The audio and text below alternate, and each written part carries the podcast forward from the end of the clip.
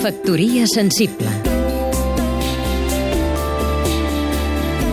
Salvador Giné, professor de Sociologia Ara canten la Traviata al Liceu. La pobra heroïna va perdre la via, el camí, la drecera, que això és el que vol dir la paraula italiana. Per nosaltres, els catalans, els deures que ara hem de fer, la tasca que tenim al davant, és ben senzilla. No perdre el camí, el senderi, que ve de senda.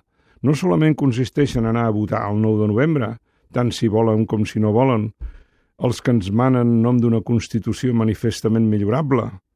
Consisteix també en romandre més units que mai en aquesta tasca cívica elemental. Es tracta solament de ficar una papereta en una capsa de cartró. Si no la trobeu davant el col·legi electoral del vostre barri, vila o llogaret, caldrà rumiar una altra via. Entre tots la trobarem.